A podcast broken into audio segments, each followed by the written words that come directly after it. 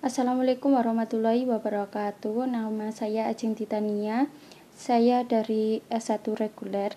Saya di sini akan menjelaskan referensi dari hasil kerja saya yaitu kelompok masyarakat sistem kesehatan nasional dan jaminan layanan kesehatan. Yang pertama saya akan menjelaskan tentang jaminan layanan kesehatan. Jaminan layanan kesehatan adalah jaminan berupa perlindungan kesehatan agar peserta memperoleh manfaat pemeliharaan kesehatan dan perlindungan dalam memenuhi kebutuhan dasar kesehatan yang diberikan kepada setiap orang yang telah membayar iuran atau iuran yang dibayar pemerintah. Macam-macam jaminan layanan kesehatan 1. JKN Jaminan Kesehatan Nasional 2. BPJS Badan Penyelenggaraan Penyelenggaraan Jaminan Sosial 3. KIS Kartu Indonesia Sehat 4. KJS Kartu Jakarta Sehat 5. Jamkesmas Jaminan Kesehatan Masyarakat 6. Jamkesda Jaminan Kesehatan Daerah Yang kedua yaitu saya akan menjelaskan tentang kelompok masyarakat sistem kesehatan nasional. Pengertian sistem kesehatan menurut WHO, sistem kesehatan adalah semua kegiatan yang tujuan utamanya untuk meningkatkan, mengembalikan, dan memelihara kesehatan.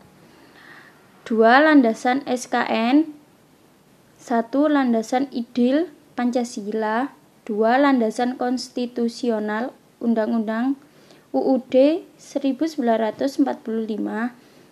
Yang ketiga yaitu prinsip dasar pembangunan kesehatan, penyelenggara, penyelenggaraan pembangunan kesehatan dan SKN mendasar pada empat aspek.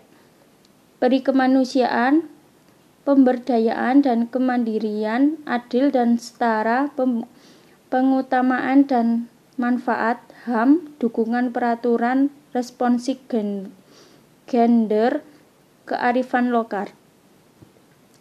4.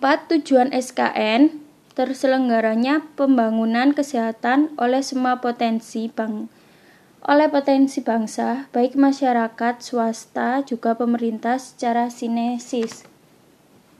5.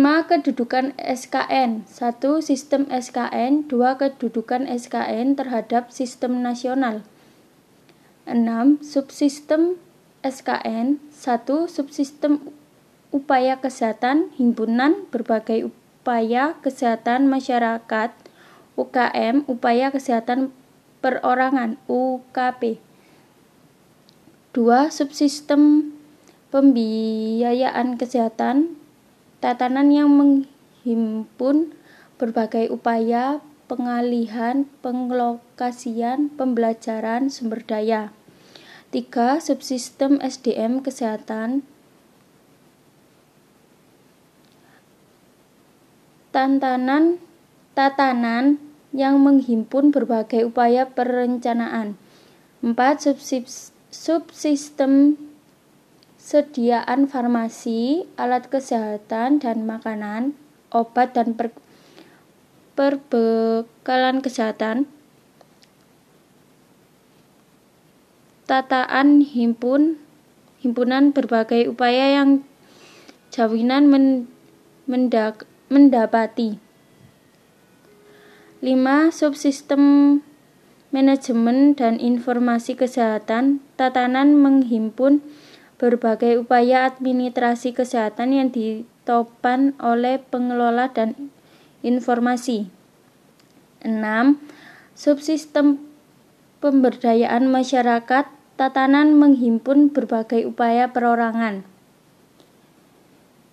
Yang ketujuh yaitu peran perawat dalam SKN. Peran perawat profesional dalam SKN adalah Berupanya mewujudkan sistem kesehatan yang baik dalam keadaan sehat dan sakit akan mempercepat kemandirian dan kesembuhan penyakit. Semua elemen peran perawat profesional sebagaimana yang dikemukakan oleh Dohni Dohni Cook dan Stopper 1982 yaitu pemberian keperawatan, advokat, koordinator, konsultan, pendidik, konselor, kolaborator, pembawa perubahan.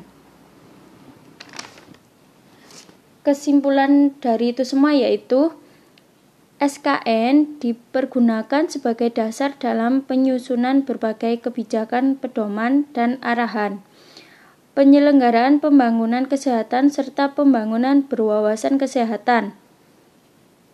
Menyadari peran perawat dalam sistem kesehatan adalah penting, maka berbagai upaya harus dapat dilakukan. Sekian, terima kasih. Wassalamualaikum warahmatullahi wabarakatuh.